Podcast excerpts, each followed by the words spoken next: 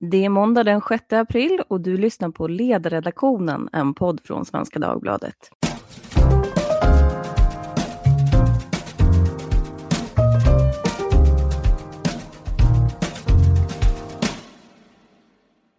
Jag heter Lydia Wåhlsten och idag ska vi prata om något som ligger nära många människors hjärtan och även plånbok, nämligen bostadspriserna. SCB kunde idag presentera sin boprisindikator och där såg de ett kraftigt tapp i hur hushållen förväntar sig att bostadspriserna ska utvecklas framöver. Det var faktiskt så illa att det är det största tappet under de 17 år som den här boprisindikatorn har gjorts. Och eh, även Hemnet gör ju sådana här undersökningar och det ligger i linje då med vad SCB visar. Så frågan för dagen är hur man ska tänka nu om man går i köp och säljtankar.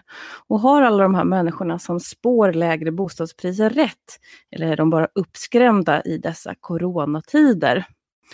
Och en sista fråga är ju vad man kan förvänta sig för politiska åtgärder om det nu skulle bli en riktig sättning på bostadsmarknaden. Det här ska vi prata om idag, men innan ska jag passa på att tipsa om att nu kan man läsa SvD helt gratis i tre månader och då går man in på svd.se podd. Och med det så drar vi igång tycker jag och säger hej till dagens panel.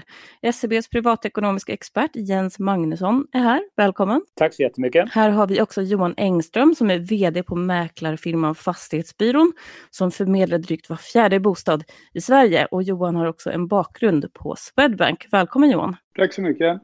En återkommande gäst har vi i Fredrik Kopsch som är lektor i fastighetsvetenskap vid Lunds universitet. Min första fråga är ja och nej-fråga och den är om ni är oroliga för ett kraftigt prisfall på bostäder i Sverige. Vad säger Fredrik? Jag är inte jätteorolig, än i alla fall, för att vi ska se något kraftigt prisfall på, på bostadsmarknaden. Det kan ju bli så om, om nu arbetsmarknaden skulle påverkas i jättestor utsträckning. Men det är nog den enda risken jag, jag ser att, att många skulle bli av med jobbet och därmed inte kunna betala för sina bostäder längre och tvingas sälja. Men annars så nej, inte än. Nej. Vad säger Jens? Nej, faktiskt inte heller ännu, även om lite orolig är jag, men det är inte huvudscenariot. Nej. Och då får mäklar-Johan vara sist i rundan. Är du orolig, ja eller nej? Nej, det är jag inte. Inte i dagsläget. Men, men eh, det beror ju väldigt mycket på hur långvarig och djup eh, arbetsmarknadskrisen eh, blir. Jens, när jag kollade vad du har kommenterat då kring er boprisindikator, då sa du att eh, det här är ju bara förväntningar, vad människor helt enkelt tror. Och det är väl kanske inte jättekonstigt att de har blivit pessimistiska nu när de inte ens får gå ut och fika längre. Men då sa du då att förväntningarna kan eventuellt bli självuppfyllande. Och vad betyder det där? Ja, men det är ju ganska intuitivt egentligen att eh, om många samtidigt tror att någonting kan tappa i värde, då är man förmodligen beredd att betala mindre för det. Och då har du ju tappat i värde. Det är ju eh, varken enklare eller svårare än så.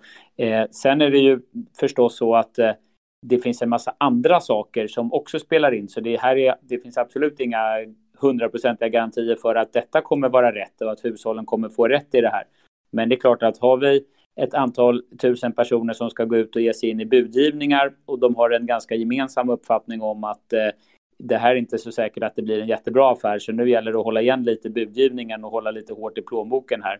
Då är det klart att eh, ja, då har man den där prisnedgången eh, som man eh, också har förutspått. Brukar det finnas liksom en samstämmighet här med vad mäklarstatistiken säger med tiden och vad er boprisindikator har visat? Ja, men de, de korrelerar ganska bra så tillvida att de går upp och ner ungefär i takt och sådär. Sen finns det undantag och ibland så svänger förväntningarna, alltså boprisindikatorn svänger ibland betydligt mer än vad själva bopriserna gör.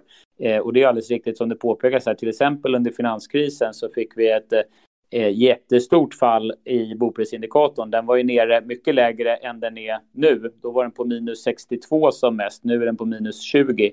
Eh, men eh, det blev inget jättestort fall i bostadspriserna på den svenska bostadsmarknaden eh, i alla fall. Så att det finns absolut ingen total överensstämmelse här, men över tid och i stora drag så hänger de med varandra ganska bra, ja. Eh, en fråga till dig Johan. Jag såg att utbudet av lägenheter framförallt här i Stockholm då har ökat kraftigt och alla nu vill sitta och trycka på säljknappen för att hinna innan då en eventuell depression. Och annonserna hade ökat i Stockholm med 40 procent läste jag någonstans. Vad får det där för effekt? Nej men det är klart att det indikerar ju en orolig marknad. Vi har ju haft en sista 12 månaderna även i Stockholm, eller kanske framförallt Stockholm, en marknad med ett stort efterfrågetryck där utbudet hela tiden har minskat. Så det är klart att får du kortsiktigt ett stort utbud ut så är det klart att, att det påverkar prissättningen i det korta perspektivet. Men är det här köparens marknad? Man får väl komma ihåg att, att det vid ett extremläge jag hörde Jens jämförde med finanskrisen eh, där det, där det sker väldigt mycket och många vill agera kanske utifrån Eh, ett snabbt och kort orosperspektiv. Men det är klart att eh, det kan ju likväl vara så att man, man kanske inte måste sälja alla de som säljer nu, eller som har lagt ut sina eh, objekt. Utan det kanske är så att vi kommer se att en hel del säljare kommer dra tillbaka sina, sina säljtankar och då får vi se vilken balans vi hamnar i då. Och hur lång tid behöver man för att, se om det, det det kommer att kunna förvänta oss? Nej, men jag tror att vi kan se det inom, inom någon månad. Man ska komma ihåg att fram till dags dato så, så görs det eh, eh, ganska hög takt med affärer och, och vi ser ännu ingen eh, prisjustering i dagsläget. Eh, sen, sen, kan vi ju se att det finns massa parametrar framåt som, som kan leda till att det blir prisjusteringar. Och då talar du om statistik på veckobasis eller pratar du om förra månadens statistik då? För att det här har ju kommit ganska hastigt inpå får man säga. Ja, men vi kan se hela kvartalet ut, sista mars, alltså, som ändå var mitten av förra veckan, så ser vi en, en hög aktivitet. Och vi ser även första dagen i april att det görs eh, mycket bostadsaffärer fortfarande.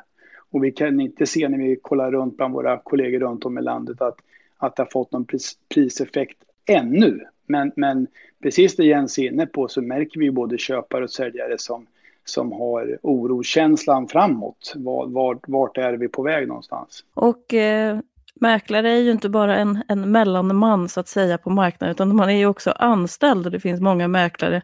Och utifrån så ser det här ut som en eh, perfekt storm för mäklarbranschen. En bransch som i alla fall jag har upplevt har varit i ganska kraftig omstöpning med nya aktörer som sticker upp och sådär. Och nu vill folk kanske inte gå på visning för man är rädd för smitta.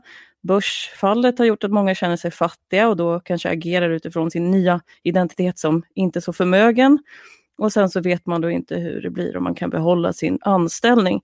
Min fråga är, kommer vi få se någonting tror du på mäklartjänstsidan? Kan, kan priset på mäklartjänster falla? Och kommer vi få se stora varsel även inom mäklarsvängen? Jag flika in med en liten... Jag tittade tillsammans med Hans Lind för ett antal år sedan på mäklarmarknaden. Eh, och där är det ju så att det, det finns ganska, ganska många eh, mäklare som har utbildningen men som inte är registrerade. De har helt enkelt avregistrerat sig någon gång. Eh, så jag tror, och jag, jag ser liksom ingen anledning att, att marknaden skulle fungera på ett annorlunda sätt nu, utan jag tror att priserna är ganska pressade på mäklarmarknaden. Jag är inte alls övertygad om att de, att de skulle pressas, eller kan pressas jättemycket mer. Det finns ju en del lågprisalternativ och sådär, men det är oklart huruvida de skulle kunna slå i en sån här situation. Eller? Eller bli, bli större. Det finns två motverkande trender där också. Å ena sidan kan man nu gå på digital visning och det har väl Hemnet börjat med liksom en sån riktig digital visning och det kostar ju inte lika mycket pengar att ha. Å andra sidan vill folk gå på enskilda visningar och det drar ju en massa timmar. Det är klart att utifrån det du är inne där så ser väl vi redan nu att, att ett förändrat konsumentbeteende kommer säkert ske. Eh, det man gör kring visningen är ju ändå att man öppnar upp för kanske mer anpassad visning utifrån konsumentens behov, digital visning eller annan typ av visning. Så att redan där kan vi väl se att, att det öppnar upp för att vi kan se en ny tjänst kring, kring, visningen framåt. Sen tror jag med, med, lite grann att se tillbaka utifrån mäklarbranschen så, så tror jag precis som alla andra branscher, det är klart att det blir en lägre affärsvolym och ett lägre antal affärer, så det är klart att, att det, det kan leda till utmaningar för de som verkar i branschen. Men jag tror också att, att Eh, när det blir en tuffare, tuffare bostadsmarknad så brukar det också vara så att, att eh, det ställs högre krav på faktiskt mäklarna att leverera någonting. Och då tror jag att, att pressen på pris kanske inte är det första utan det kanske är den som lyckas i sitt uppdrag som är den som klarar sig. Nu var ju ingen av er tre särskilt oroliga för att det skulle bli ett kraftigt boprisfall. Men jag såg att Swedbanks ekonom Maria Wallin Fredon var ute och sa till Nyhetsbyrån direkt att hon tror på att det kan bli en prisnedgång på ungefär 7 procent för hela Sverige och att det kommer kunna falla mer i Stockholm och de andra storstäderna. Om man tittar på aktiemarknaden så har ju den fallit drygt 25 procent nu då och den marknaden får man väl säga är lite mer osäker och påverkas mer av vad som händer i omvärlden än bostadsmarknaden. Men hur djup skulle en inbromsning på just bostadsmarknaden kunna bli enligt er? Vad säger Fredrik? Ja, alltså jag vill inte uttala mig om några sådana här procent eller så. Jag, jag kanske gjorde det mer i min, min ungdom, men man, man, har alltid fel när man, när man försöker göra det.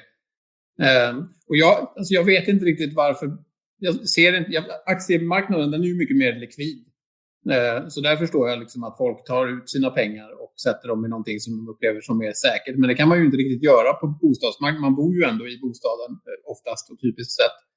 Ehm, så jag tror inte att alltså, man kommer inte sälja i så stor utsträckning. Jag, jag tror att det vi ser nu är att ett ökat antal transaktioner för att folk är oroliga för att det blir svårt att sälja framöver och då vill man göra en anpassning i sitt boende nu som man ändå kanske har planerat att göra inom det kommande året.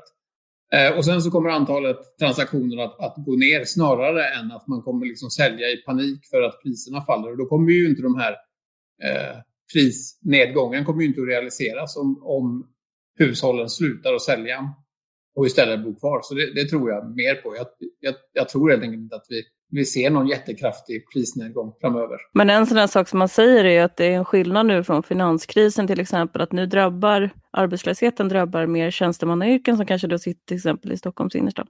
Men vad säger Jens, vad, vad tror du om det här med hur mycket skulle marknaden kunna falla om det nu blir en... Ja, vi ligger ungefär på, i samma intervall där, fast vi just som sagt snarare pratar om, om intervall då, men, men kanske från att ha legat och taktat nu på 5-6 procent upp på årsbasis så tror vi kanske någonstans på det omvända då, 5 möjligen ner till 10 procent. Och det är klart att skillnaden på de där 7 procenten då blir inte så stor plötsligt.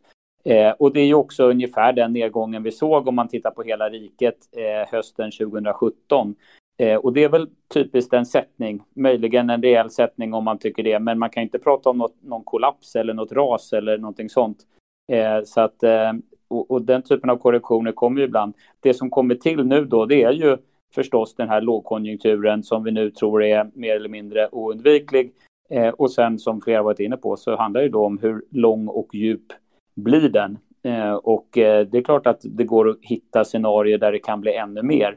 Men det är också alldeles riktigt att de flesta bor ju faktiskt kvar i sina hus. De flesta påverkas inte jättemycket av om den är värd 10 eller 15 procent mer eller mindre just det här halvåret, utan man bor ju ändå kvar och eh, funderar på att flytta någon gång när, i så fall när marknaden är lite stabilare. Jag tänkte att vi ska prata lite grann om vad Finansinspektionen visade med sina siffror där på amorteringskrav och så på framförallt ensamhushåll. Då. Men först, du har ju en bakgrund på Finansdepartementet. Och där är min fråga, när kommer Magdalena Andersson känna att eh, just det här med bostadsmarknaden är högsta prio om man skulle se på prisfallet? Ja, för att det ska bli högsta prio, då tror jag att vi, det är några andra saker som måste lugna ner sig först. För nu har vi några andra högsta prio eh, ett tag. Men man kan ju också konstatera att det som görs nu även om det inte kanske i första hand är bostadspolitiska åtgärder förutom amorteringskravet då, men mycket av det som görs är ju ändå sånt som också stöttar bostadsmarknaden. Jag menar, går man in med olika företagsstöd och de här korttidsarbetena, permitteringsmöjligheterna, eh, stödlånen som finns, allt som bankerna går in med och hjälper till med, så totalt sett så är det klart att man försöker undvika att en massa människor ska bli arbetslösa. Och det är ju en väldigt bra försäkring mot eh, en stor bostadsnedgång också. Eh, och sen har man då dessutom de här sakerna som är mer direkt till, jag menar som amorteringsfriheten eh, nu som man då dels har den här korta redan nu, tre månader, där Finansinspektionen har tydliggjort att det här är ett sånt tillstånd som, som gör att det är helt okej okay för bankerna att ge undantag i några månader. Men det ersätts ju nu om någon vecka här av det här mer generella eh, generella undantaget där egentligen alla då kan, kan beviljas eh, amorteringsfrihet. Och det är klart att det är också någonting som kommer stötta marknaden. Så att Nej, jag tror inte att vi är ett läge där, eh, eller vi har väldigt, väldigt långt till ett läge där Magdalena Andersson tycker att det här är den absolut viktigaste frågan att ta i, eh, just bostadspriserna. Men de, de insatser som görs hjälper ju ändå till. Kommer bankerna vara, vara månade om att ge ut amorteringsfria lån, eller vad är din bedömning? Ja, det, det skulle jag säga. Eh, man eh, gör ju, det är ganska mycket tandemdragning här. De flesta vill ungefär samma sak. Ingen vill att något folk ska behöva gå ifrån hus och hem. Alla vill att ekonomin ska stabilisera sig så snart och så mycket som det är möjligt och rimligt. Så att eh, jag tror att eh, eh bankerna kommer att göra sitt bästa för att bevilja många amorteringsfrihet som själva begär det. Naturligtvis kommer inte alla begära det och alla påverkas ju inte på något sätt av av eh, minskade inkomster heller. Men jag tror att det kommer finnas en stor eh, välvillighet från banken här. Jag tänkte fråga dig med anslutning till det här. Jag ser att många gör den här diskussionen mellan en depression och en recession. Tänkte att du med dina mest pedagogiska ord ska få förklara vad skillnaden är. Den ena är lite mer exakt än den andra skulle jag säga. Nu har vi forskare med oss här så de får väl säga eh, om de tycker att det är rätt. Men alltså recession, det är ju mer en definierad ekonomisk term som säger att man har negativ tillväxt, det vill säga ekonomin krymper, om, man, om den gör det i minst två kvartal i rad, då säger man att man har en recession, det vill säga det är en ganska ordentlig lågkonjunktur. Eh, Medan en depression, det är lite mindre väldefinierat. Det handlar helt enkelt om att man har en väldigt lång och väldigt djup och väldigt jobbig lågkonjunktur under lång tid. Men det finns inte på samma sätt en, ett ja, den är inte kvantifierad på samma sätt att den ska sträcka sig över ett visst antal kvartal eller sådär och depression så pratar vi oftast mest om 30-talet. Eh, det är få som verkligen talar om, om, depressioner efter det. Men visst, det finns väl en och annan som skulle säga att 90-talet också var en depression, kanske. Eller vissa hänvisar tillbaka till att det vi upplever nu, om man tittar på kurvorna så måste man byta axlar nu för att kurvorna viker så skarpt uppåt i arbetslöshet eller sådär. Mm. Är din bedömning att vi går mot en depression? Ja, det är inte nödvändigtvis, men, men att det går en, mot en eh, tydligare lågkonjunktur än vad någon kunde tro för en månad eller två sedan, det är väl alldeles eh, uppenbart. Eh, depression, ja, som sagt, det, det, är inte särskilt väldefinierat.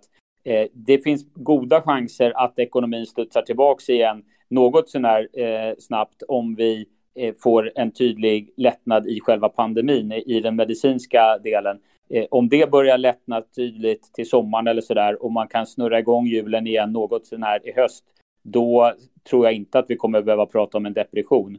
Eh, men däremot kommer vi förstås få ett par dåliga kvartal här tillväxtmässigt. Det är ingen tvekan om. Fredrik och Johan, jag tänkte citera Fredrik Kullman som då är vd på en konkurrent till Johan, nämligen Bjurfors. Och då sa han så här då, om man vill hjälpa köpare och säljare och hela fastighetsbranschen så borde man se över amorteringskraven och bolånetaket. Och nu har det då redan hänt lite grann på amorteringskravssidan. I början av april så var ju Finansinspektionen ute och sa att nu är det okej att ge amorteringsfria lån tillfälligt och det är väldigt många som har ansökt om det också, ska jag säga. Och eh, det var intressant för att de gjorde en undersökning då som visade att fyra av tio ensamhushåll som hade nya bostadslån, de skulle gå minus även om de då hade a-kassa. Så att 40 procent helt enkelt skulle gå back varje månad. Sen vet man ju inte riktigt hur det privata sparandet ser ut. Det är möjligt att de skulle kunna överbrygga det här då under den här perioden. Men min fråga är då, vilka skulle de mest effektiva åtgärderna vara om vi nu ser en sättning? Vad säger Fredrik? Alltså jag tänker mig att det här med att, att vi ska ge amorteringsfrihet tillfället nu, det är ju egentligen ett sätt att, att hjälpa de som redan har tagit lån och inte alls eh, en inriktning mot de som, som ska ta lån. Så jag, jag tror inte att det riktigt hjälper marknaden på något vis, utan det hjälper hushållen att klara en situation ifall att de blir hem, eh, arbetslösa. Så att de ska slippa bli hemlösa. Och jag tycker att liksom, än så länge, så som den här krisen utvecklar sig nu, så tror jag att den mesta delen av fokus bör läggas, läggas där och se till att de som blir av med jobbet och de som hamnar i en trasslig ekonomisk situation inte också ska behöva bli av med sina bostäder. Och där är ju liksom amorteringsfrihet ett steg. Men jag tror att det kan finnas, som, som, du, som du påpekar, det finns de som som kommer att hamna på minus ändå och då krävs det ännu mer åtgärder. Och då tror jag att man får kika på tillfälliga eh, bostadsbidrag till exempel. Det gäller ju både på den ägda marknaden och, och på den hyrda marknaden för de som inte kommer klara att betala hyran eller de som inte kommer kunna klara att betala eh, räntekostnaden. Eh, så det tror jag för att överbrygga den här krisen. Och sen om det där om det fortsätter framöver, då får man ju man kika på vad man ska ha för andra långsiktiga eh, åtgärder. En sak som jag, är min hypotes då, det är att det, liksom, attraktiviteten i att slopa ränteavdragen, det känns som att den har gått ner ganska kraftigt. Ja, jag skulle ju tro det. Alltså min, en av mina största käpphästar vid, vid sidan av att, att, äh, att eh, avreglera hyresmarknaden och återinföra fastighetsskatten. Jag tror båda de där är rätt otacksamma just, just nu. Eh, för det finns en risk att, att de påverkar boendeutgifterna eh, för vissa, vissa hushåll. Eh, och det kanske man inte vill just nu i den här situationen eh, när, när vi vill hjälpa dem istället. Och det är samma sak med ränteavdragen. Det kommer ju också påverka kostnaderna och utgifterna för, för, för hushållen som har lånat. Johan, som eh, lobbyorganisation delvis då, Fastighetsbyrån, vad är det ni vill se för politiska förändringar? Ja, man får väl hålla isär det läget vi pratar om och befinner oss i nu. För där tror jag liksom, eh, dels att vi har tittat på amorteringsbefrielse och, eh, och, och hjälp till andra stöd för att mm, undvika inkomstbortfall som gör att man kan bo kvar och ha en, ha en stabil bostadsmarknad. Det tror jag det är en typ av åtgärder. Jag tror att om frågan var från början att stimulera köpare och säljare så tror jag nu just nu att kanske man är i ett läge där man behöver se, se vart, vi, vart vi tar vägen någonstans. Men generellt så tycker jag ju att vi har ju haft en utmaning i Sverige med unga människor och förstagångsköpare och deras möjlighet att ta sig in på bostadsmarknaden. Så att där tycker jag väl liksom både i de de eh, amorteringskrav som kom. det första amorteringskravet som jag tycker i grund och botten är sunt. Det är sunt att amortera, men jag tycker det andra amorteringskravet kom som, som ytterligare slog väldigt hårt mot unga och förstagångsköpare.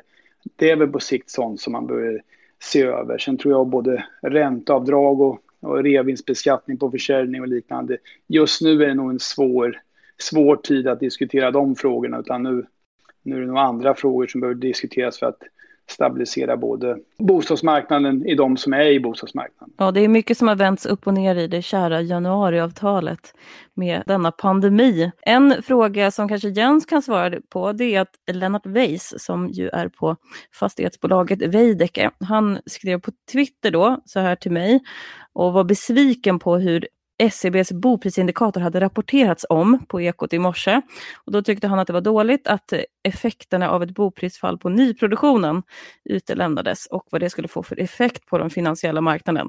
Och grunden där är ju förstås att det är jättestora kapitalvaror, bostäder och faller då efterfrågan på nya bostäder så, så kan det få liksom en instabiliserande effekt på hela marknaden. Hur viktigt är det där Jens? Det kan ju eh, förstås få effekt. Jag tycker kanske att den är lite tidigt väckt. Som sagt, det här är förväntningar hos hushållen. Vi har varit inne på redan att det inte är samma sak som att det verkligen blir en nedgång och eh, beroende på hur kraftig den blir, om den nu ändå blir av, såklart den påverkar nybyggnationen. Än så länge så eh, ser vi ju inte så mycket tecken på det. Konjunkturinstitutets rapport eh, eller prognos eh, häromdagen, den pekade ju på Eh, en väldigt måttlig nedgång i, i byggandet på bara eh, sådär knappt en procent. Eh, och det är väl eh, möjligt att det kan bli så. Blir det mer så är det klart att ja, då drar man åt eh, kranarna på bostadsbyggandet och det var det vi såg 2017 att det gick ner en hel del. Men eh, och då får det förstås eh, effekt på de bolag som bygger och på deras eh, på de finansiella marknaderna i de delarna. Eh, men det är väl ett det är naturligtvis ett, ett rimligt samband.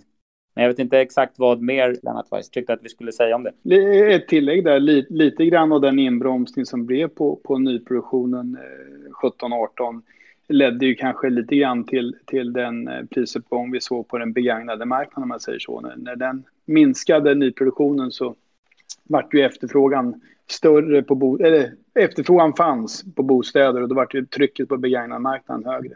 Fredrik, jag har ju uppfattat dig då för att du, du härjar om marknadshyror så ofta, att du har liksom ett, en liberal grundådra. Finns det någonting annat än, än äh, äh, bostadsbidrag som du ser som skulle kunna vara reformer i det här läget? Eh, ja, så man kan ju tänka sig andra sätt att, att uh, hjälpa hushållen att klara boendekostnaderna. Och, och, då kan man väl till exempel, om, om vi ser liksom på, på lägenhetsmarknaden, eh, göra det enklare för folk att hyra ut eh, delar av sina bostäder till exempel. Det är ju en sån punkt som fanns med i eh, ett gammalt 22-punktsprogram som, som regeringen hade eh, förra gången de hade en mandatperiod utan Centerpartiet och, och, och, Liberalerna. Det skulle man kunna tänka sig. Eh, Precis som man har sett på fribeloppet för studenter till exempel, att jobba skulle man kunna höja den här tröskeln då på, vad är den, 40 000 skattefritt att hyra ut för. Den skulle man kunna höja till exempel. Ja, precis. Ja, den skulle man kunna höja en, en, en del så att folk hyr ut för att få in liksom extra eh, intäkter och klara sina, sina kostnader för. Det, det, är väl liksom en möjlig väg. Men annars så tror jag, ja, min förhoppning här är ju att det är en kort period som vi behöver överbrygga och hjälpa ett visst antal hushåll som inte kommer klara sig eh, annars. Eh, och visst, en sån här sak skulle ju kunna vara, eh, det skulle vara ett steg i liksom en önskvärd Eh, riktning tycker jag. Att, att man underlättar för, för folk att hyra ut i andra hand och delar av sina bostäder. Eh, men jag tror ändå att det, det krävs liksom aktivt riktade stöd till de som, som inte, inte klarar sig annars. Mm, så det här är ett medskick till alla borgerliga politiker som lyssnar på den här podden, vilket jag vet är ganska många. Att eh, här har ni en bra liberal reform som ni kan bara plocka upp och springa med till eh, regeringskansliet i dessa tider. En annan sån här praktisk fråga som jag bara tänkte på, det var att när jag läste att det finns ju de då som uh, har gjort den här dumma grejen, att de har köpt innan de har sålt och sen mittemellan hinner en pandemi hända. Och där är min fråga, vad händer för de här människorna? Ja, jag kan väl hända. Det är klart att det, är ju, beror ju på vad som, vad som sker i, i, i det korta perspektivet nu. Det är säkert så att delar av utbudet är eh, säljare som vill ut snabbt nu som kanske faktiskt till och med har eh, köpt, någonting, köpt någonting redan. Men om, om priset en, går ner en... väldigt mycket på din bostad och så har du köpt någonting nytt, kan man liksom, finns det någon ångerrätt här? Eller jag vet att man kan ta överbyggnadslån då som man kanske kan sträcka ut några månader för att övervintra eh, med dubbla boendekostnader. Men de som inte har möjlighet att göra det, vad händer för dem? Där blir det ju det är en jobbig situation om, om boprisfallet skulle vara kraftigt samtidigt som man sitter med två olika bostäder. Eh, det är klart, det, det, blir lite knepigt. Det där skulle ju en sån reform som att få hyra ut den där i andra hand eh, på, ett, på ett enkelt sätt vara var, eh, önskvärt förstås. Men det där tror jag inte är en jättestor grupp och jag, jag har dålig koll på eh, huruvida den gruppen är stor eller inte. Men jag har svårt att föreställa mig att det skulle vara en jättestor grupp. Men det här är väl inte eh, kanske en privat eh, eh ekonomisk rådgivningspodd, men jag tycker ändå att, att där är det väl eh, viktigt ändå att skicka med det att, att eh, vi privatekonomer och andra brukar ju ofta peka på det där att eh, sälj först och sen när du vet vad du har att röra dig med så köper du nästa. Det är väl ändå ett tips som gäller ännu mer nu den här våren. Det är inte så att man inte kan ge sig ut på bostadsmarknaden, men just eftersom det finns den här förhöjda risken att det kommer ett stopp i prisutvecklingen eller till och med en nedgång, då är det väl eh, väldigt sunt att ändå försöka hålla på den principen eh, nu det närmsta halvåret. Det är som alla sådana här eh, privatekonomiska bloggar säger nu, sitt still i båten. Har du haft en stabil strategi så håll dig till den och titta inte på ditt Avanza-konto eller sådär. Ja, det, det är också en, det där med sparandet är en egen femma, men här kan jag tänka att även om hur ostill du än har suttit i båten hittills så ska du köpa och sälja under våren nu så, så tycker jag väl att det är ett klokt tips att ändå sälja först. Jag tänkte att vi måste ju avsluta på en positiv eh, not här då. Eh, för att allting är så deppigt generellt. Och den första positiva saken för de som äger bostäder, det är ju att räntorna kan förväntas bli låga. Och då såg jag att hängselmannen Claes Hemberg, han sa då att ja, de flesta har sagt att vi kommer att ha låga räntor i fem år, men nu har detta utökats till sju, åtta, kanske nio år. Så den första delen. Och den andra delen som jag själv funderade på, för att jag har haft vänner som har agerat på det sättet när det har varit lite nedgångar tidigare, det är ju att man faktiskt kan, nedgången är ju så att säga relativ, så om du ska köpa någonting dyrare då är ju det enda relevanta egentligen att din lägenhet ska gå ner mindre än den lägenhet som du köper. Så finns det inte en sån möjlighet här Johan? Jo, det är väl så att alla marknader skap, skapar, väl, skapar väl möjligheter, men det är klart att är du inne i marknaden så brukar ju det där följa med. Det är väl snarare i så fall om det är så att priserna går ner och du kommer ny in i marknaden som den riktigt stora fördelen kan finnas. Så du köper inte det här med att, eh, att jag kan sälja min mindre lägenhet nu och, och, visst, jag gör en förlust, men jag kan köpa någonting större. För att eh, den nedgången har liksom varit eh, i, i rena kronor har den varit större nu har vi ett lågränteläge, men det är klart att jag, jag, ur det aspekten med att bibehållna inkomster och allt så, så, så är det klart att, att jag, jag har ju råd att köpa en större lägenhet om så att säga, kvadratmeterpriset är billigare. Så visst, så, så sätt stämmer det. Min sista fråga är ju en, ytterligare en sån här sifferfråga då, för att på onsdag kommer en första indikation på hur det går för bostadsmarknaden de facto efter coronakrisen, för då kommer Svensk Mäklarstatistik med sina siffror över prisutvecklingen i mars. Och min fråga till er är, vad tror ni att den här statistiken kommer att säga? Jens? Oj, eh, jag tror att eh, den kommer nog visa ändå de första tecknen på en omfattning. Jag tror att de hittillsvarande 6-7 procenten på årsbasis som vi hade i januari, februari, det måste rimligtvis ha vikt neråt nu, men kanske inte så hemskt mycket. Vad säger Fredrik? Jag kan tänka mig att det, det börjar stanna av för att folk är mer försiktiga, men jag tror inte, jag tror inte att vi kommer att se något kraftigt prisfall här återigen. Ytterligare en sån här Anders Tegnell-lugn statistikredovisning. Johan, vad tror du att vi kommer få se? Nej, men jag tror att de siffrorna är per, per sista mars. Jag tror inte vi kommer se någonting speciellt i dem. Jag tror att eh, de kommer inte visa per sista månaden eh, någon större förändring. Jag tror att de är ganska oförändrade och ligger då, eh, kommer se relativt positiva ut. Okej, men eh, menar du att det är för tidigt att ropa hej? Nej, men jag är utifrån det vi ser med de eh, affärer vi gör i, till dags datum, sen så innan, så ser vi idag ingen eh, förändrad prisbild ännu. Ja, hörni, då blev det ganska positivt ändå, helt organiskt. Och eh, jag får säga stort tack till eh, er allihopa. Jens Magnusson från SEB, Johan Engström från mäklarfirman Fastighetsbyrån och Fredrik Kopps från Lunds universitet. Har du frågor så hör du av dig som vanligt på ledarsidan svd.se. Hej då!